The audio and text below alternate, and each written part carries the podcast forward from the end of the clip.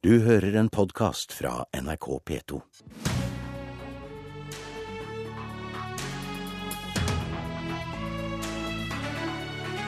En vennlig mann og en stor inspirasjon i arbeidet for menneskerettigheter, sier Kjell Magne Bondevik. En av dem Dalai Lama får møte når han kommer til Oslo i dag. Og bøndene i harnisk etter statens tilbud i jordbruksoppgjøret. Men får de mer penger fra Stortinget? Svaret får vi kanskje i Politisk kvarter.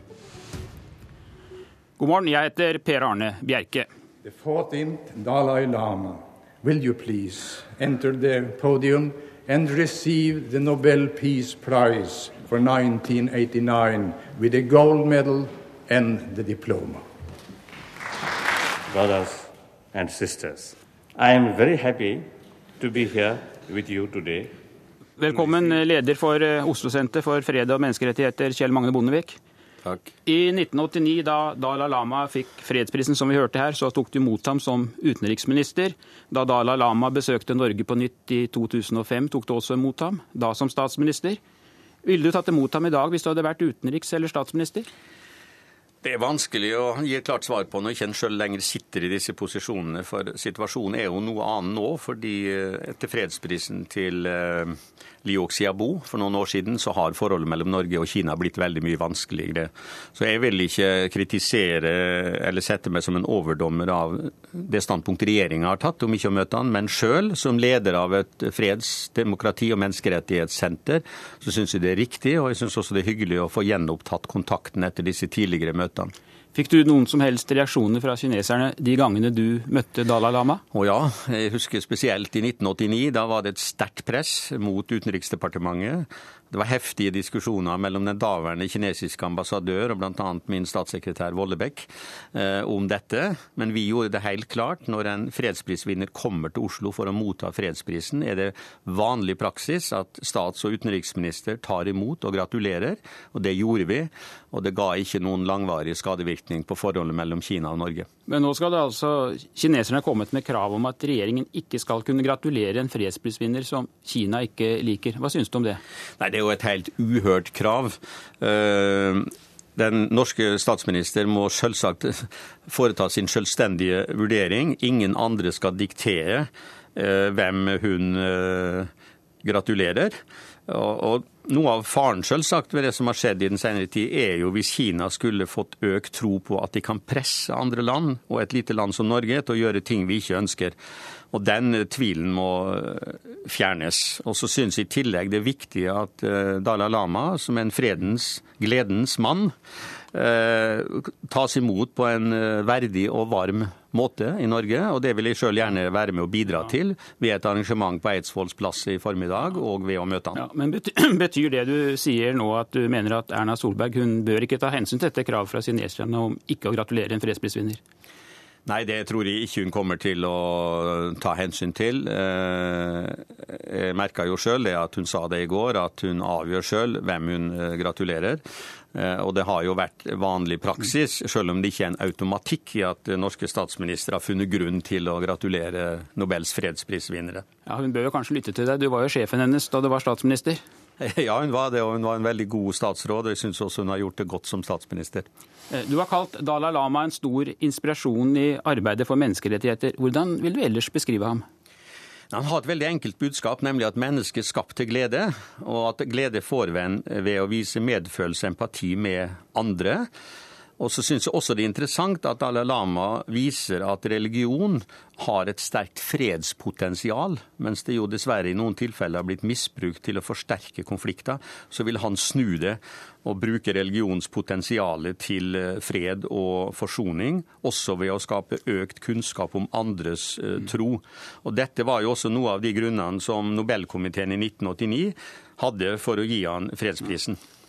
Men han arbeider for fred og menneskeretter, som du sier. Men likevel så skaper altså hans besøk betydelig bråk. Ikke bare her i landet, men også i Danmark. Og ser vi ikke det nå, at små land faktisk da gir etter for press fra en stormakt som Kina? Jo, og det, der må, jeg skjønner jo godt at en ønsker å opprettholde politiske forbindelser med Kina. og De har jo vært frosne nå etter fredsprisen til Liu Xiaobo for Norges vedkommende. og Det har også avskåret Norge fra å føre en menneskerettighetsdialog med Kina. Det er selvsagt det dilemmaet regjeringen har, og dette ønsker en å bidra til å gjenopprette.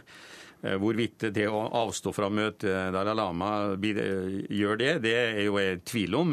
På den annen side kan en si at hadde de gjort det, så kunne de ha frosset disse forbindelsene i enda flere år. Men det er interessant å se at Nederlands utenriksminister tar imot. Jeg hadde sjøl i forrige uke en prat med tidligere britiske statsminister Gordon Brown. Eh, da Dalai Lama var der i hans tid, så valgte han å markere at han møtte han som religiøs leder, og tok imot han eller møtte han i erkebiskopens hovedkvarter i London, eh, og ikke i Downing Street. Så det er ulike måter å gjøre dette på, men dette har nok eh, den norske regjering nøye vurdert. Takk skal du ha, Kjell Magne Bondevik. Du får gå og gjøre deg klar til å møte ham om noen timer i Oslo sentrum. I går kom staten med sitt tilbud i jordbruksoppgjøret. Bønder raser over det de oppfatter som et altfor dårlig tilbud fra landbruksminister Sylvi Listhaug. Og da er det vel nærmest unødvendig å spørre deg, leder i Senterpartiet og tidligere landbruksminister Trygve Slagsvold Vedum. Hva synes du om statens tilbud? Det er et uh, svært uh, dårlig tilbud. Når målet for Stortinget har vært at vi skal øke norsk uh, matproduksjon, for vi vet at verden trenger mer mat, og at vi skal bidra med vår del. Og når vi har hatt et mål om å ha verdiskapning for landbruket rundt i hele Norge, så kan man ikke si noe annet enn at tilbudet er svært dårlig. Morten Ørsal Johansen, landbrukspolitisk talsmann i Fremskrittspartiet. Hvorfor synes du at landbruksministeren har kommet med et godt tilbud til bøndene? Det er et godt tilbud å forhandle ut ifra, og det er et tilbud som vil sørge for at vi får økt matproduksjon i Norge. Det stimulerer bøndene til å produsere mer mat, og det er det som er hensikten med å, å drive bondeyrket. Vi skulle gjerne hatt med regjeringens støttepartier KrF og Venstre her, men begge partier viser til at nå skal det forhandles, og at de ikke ønsker å si så mye før de ser om forhandlingene fører frem. Men du er her landbrukspolitisk talsmann i Arbeiderpartiet, Knut Storberget. Har du mer penger å gi til bøndene? Nei, ikke sånn umiddelbart. Dette er jo en forhandlingsansvar som regjeringen har. og så hviler en stor forpliktelse på statsråden for å få til en god løsning. og Jeg håper jo virkelig at man klarer å forbedre det tilbudet som ble lagt på bordet i går. som jo er basert på at eh, det å utjevne inntekter mellom bøndene og andre yrkesgrupper, det sakker akterut. Eh, det er faktisk sånn, det er paradoksalt når Frp sitter i regjering, at man velger å legge det store store satsingen inn i det å gi forbrukerne økt matpriser istedenfor støtte over statsbudsjettet. Og så er vi bekymra for at vi får en strukturendring, særlig i forhold til melkeproduksjon, som bidrar til at vi kommer til å få store arealer i Distrikts-Norge som blir liggende ubrukt og som kanskje biter seg inn på kornområdene, og som gjør oss mindre rusta ja. for å være mer sjølberga i framtida. Men det du sier nå, det tyder på at eh, bøndene ikke uten videre kan vente noen hjelp fra dere hvis saken skulle komme til Stortinget, eller tar jeg feil? Nei, det er det som er den tunge forpliktelsen for en regjering og en landbruksminister, at man har både en eh, rettighet, men også et ansvar å, å drive forhandlingsinstituttet. og Det er ikke naturlig at det skal tukles med i Stortinget. Men jeg har sagt, og jeg gjentar fortsatt, særlig på bakgrunn av de strukturendringer som foreslås nå, at vi kan ikke gi noen carte blanche. Så vi må behandle eh, enten et brudd eller en framforhandla løsning i i hvert fall vår gruppe. Og det er også sånn at eh, de rammer som nå bøndene får, Eh, det vil eh, selvfølgelig være viktig for hvor mange produsenter vi får i framtida. Og dette handler jo, som Trygve Slagsvold Vedum sier, om mm, vi skal kunne opprettholde vår egen matproduksjon, mm. og også et viktig ja. beredskapsmessig spørsmål. Spørre Slagsvold Vedum for, Mens Senterpartiet satt i regjering og du var landbruksminister, så gikk altså antallet bruk ned år for år. Hvorfor er du så sikker på at de endringene regjeringen foreslår vil gjøre forholdene så mye verre? Altså, den store forskjellen fra i fjor til i år er jo at eh, hvis i fjor så la staten penger på bordet, var villig til å gi et reelt inntektsløft til alle landbruket, eh, tette gap, så er jo det staten gjør i år, er å spare penger. De kutter 250 millioner, eller en kvart milliard kroner. Eh, og Det legger opp til en voldsom strukturendring med melkekvotene. Det kan være litt vanskelig, men i dag så er taket 400 000 liter. Og så er forslaget 1,2 millioner liter. Så alle skjønner at det er en kjempeendring. Og en, en melkeproduksjonsbruk på 1,2 millioner liter og ca. 160 melkekuer. Og det, det, det fins ikke de gårdene i Gudbrandsdalen, på Vestlandsfjordene. Eh, ja. i Troms som har plass til de dyra. For du må ha inn fôr, du må ha ut møkka. Og ja, da får du en veldig sentralisering av norsk landbruk, og det er ikke klokt. Johansen, er ikke det dere nå driver med, å legge ned de små gårdene? For å si det rett ut. Absolutt ikke. Vi beholder de støtteordningene som er til mindre bruk. Men eh, når Slagsvold Vedum er så opptatt av, av melkekvoter altså, Det er ikke sånn at bøndene må produsere 1,2 millioner liter. Det er ettersom de har behov for det, og muligheter til det, og har lyst til å gjøre det. Eh, De små brukene vil fortsatt opprettholdes ved, ved den støttestrukturen som er. Og vi, det dette her skal gjøre, er å bidra til at vi får en økt matproduksjon. Altså, mens, eh, mens eh, Slagsvold Vedum satt i regjering, så, så økte importen med 20 milliarder kroner. Vi har, tre, vi har, tenkt, vi har tenkt, vi har tenkt, vi har tenkt å dempe på dette.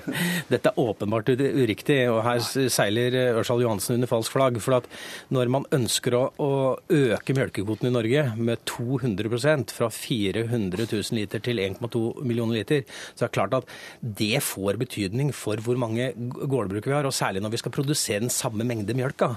Det betyr at det er altså færre mennesker som skal produsere mer. De trenger grasareal, de trenger eh, den støtten som skal, skal til, og da vil det gå på bekostning av de små. Det er, det er heva enhver tvil. Og det er jo sånn at også når den økonomiske profilen i oppgjøret er sånn at det er si, de som kommer minst dårlig ut, det er de store, så, så sier det seg sjøl at det er noen tyngdelover i økonomien her som, som tilsier at da vil de små ryke. Slagsvold Vedum. Ja, Det som vi er nervøse for med det her, er at vi har hatt i Norge en politikk der vi skal produsere korn der du kan produsere korn. Altså rundt Oslo, rundt eh, Oslofjorden, rundt Mjøsa. For at de ønsker å være mest mulig selvforsynt med korn. Men hvis du legger opp en sånn politikk, så vil det være veldig naturlig at man etter hvert begynner å flytte melkeproduksjonen til rundt Mjøsa og de områdene. Og da er det ikke lønnsomt å drive med melkeproduksjon der vi driver med i dag, sånn som i Østerdalen, Gudbrandsdalen, Vestlandet. For det, i, Stange der jeg bor, så er det fullt mulig å ha så store bruk, men det er ikke mulig i Valdres. For det vil bare være kjempeulønnsomt. Masse transport, grasballer hit og dit og kumøkk hit og dit, og det er kjempelite lurt. Nei, men det er altså, nå, nå, får de, nå får de ta det litt med ro. Altså. Nå har det blitt lagt ned utrolig flere tusen bruk mens de har sittet i regjering sjøl. Og de har ikke gjort noen ting for å hindre det. Nå, nei, men der har de da vel ikke. Nå ønsker vi å gjøre en del endringer for å se om det virker, og det er jeg helt sikker på virker. Vi ønsker å få økt produksjon. Samtidig så går vi inn og sier at flere skal få mulighet til å være heltidsbønder, og så går vi og ser på avbyråkratiseringa. De sier at vi ikke legger penger på bordet. Nei, men det er mange andre tiltak vi gjør for å stimulere til økt, produksjon. Og spørsmålet er skal vi produsere mer mat, eller skal vi ha flere det, bønder? så ligger det jo 14 milliarder her fra før, Slagsvold Vedum. det, først at vi, hvis vi ikke har gjort noen ting, da får du reise til, for eksempel til EU-kommisjonen og spørre om de syns at den rød-grønne regjeringa ikke gjorde noen ting når vi forbedra tollvernet. De, de var ganske uenige. Og så er det ganske rart han sier om forenkling. For hva ligger i forslaget? Jo, det ligger bl.a. at det ikke skal være produksjonsplikt lenger. At norske bønder bare kan eh, kjøre rundt på jordet med grasklipperen, og så skal de få penger av staten. Det er, jo, det ligger i forslaget! Og det er Siv Listhaugs forenkling. Storberg- Storberget. Jeg syns debatten fortjener liksom en noe mer fair tilnærming. fordi at det er riktig at antall bruk har gått ned. Jeg tror at antall bruk kommer til å fortsette å gå ned. Eh, Jeg syns det hadde vært mye mer fair hvis Ørsal Johansen hadde sagt at eh, en av grunnene til at vi ønsker å øke kvotene, er faktisk at vi skal ha færre, men større bruk, og vi tror at produksjonen vil holde seg. Det er jo det som ligger bak forslaget. Det er jo det som er Fremskrittspartiets grunnidé, er at man skal nettopp få større bruk. Og da vil vi få eh, færre bruk. Eh, Det hadde vært mye mer fair hvis man kunne gått ut og sagt det. Eh, jeg mener at vi må finne en mellomløsning på dette, for at, eh, vi er nødt for å styrke både kornøkonomien og melkeøkonomien. Men dette er jo virkelig å skjære av seg haka istedenfor å barbere seg. Ørsal Johansen, kan du ikke svare på det? Vil det ikke bli færre bruk med den politikken dere legger opp til? For det er jo det som blir sagt eh, fra flere av deres tillitsvalgte. En skal ikke se bort ifra at den trenden som har vært de siste åra, med at eh, flere bruk blir lagt ned, vil, vil opprettholdes. Men poenget er at produksjonen skal økes. Det er det, som er, eh, det er det som er det viktigste her, at vi skal øke produksjonen. Og en del bønder som driver med melkeproduksjon i dag, ønsker faktisk å gå ut av melkeproduksjon og begynne med en annen. Men problemet deres er at de får ikke omsatt kvoten sine pga. det strenge regimet som er. Da er vi inne på det som er hovedtema. fordi at Hvis vi da får færre bruk, og melkeproduksjon som i dag trenger arealer, trenger seg inn på kornarealene, som de er nødt for å gjøre, fordi det er ikke drivverdig å å drive store bruk rundt omkring i dalførene våre, så eh, reiser spørsmålet vil vi da for framtida være sjølberga. Vil sjølforsyningsgraden i Norge da gå opp eller ned? Og da er min påstand at da vil den gå ned, fordi at kornproduksjon er vital inn i landbruket, både i forhold til mjøla og Dagens politikk i hvert fall. Det er det ikke noe tvil om. Skal vi få en økt satsing på norsk matproduksjon, så må vi være villige til å bruke ressurser på det. Og det som ligger i tilbud fra staten, er et kutt på en kvart milliard. Vi burde ha økt, for vi trenger mer mat i Norge, og vi trenger mer verdiskapning, ikke mindre. Ja, Dere får fortsette debatten på gangen, for nå er Politisk kvarter slutt. Jeg heter Per Arne Bjerke.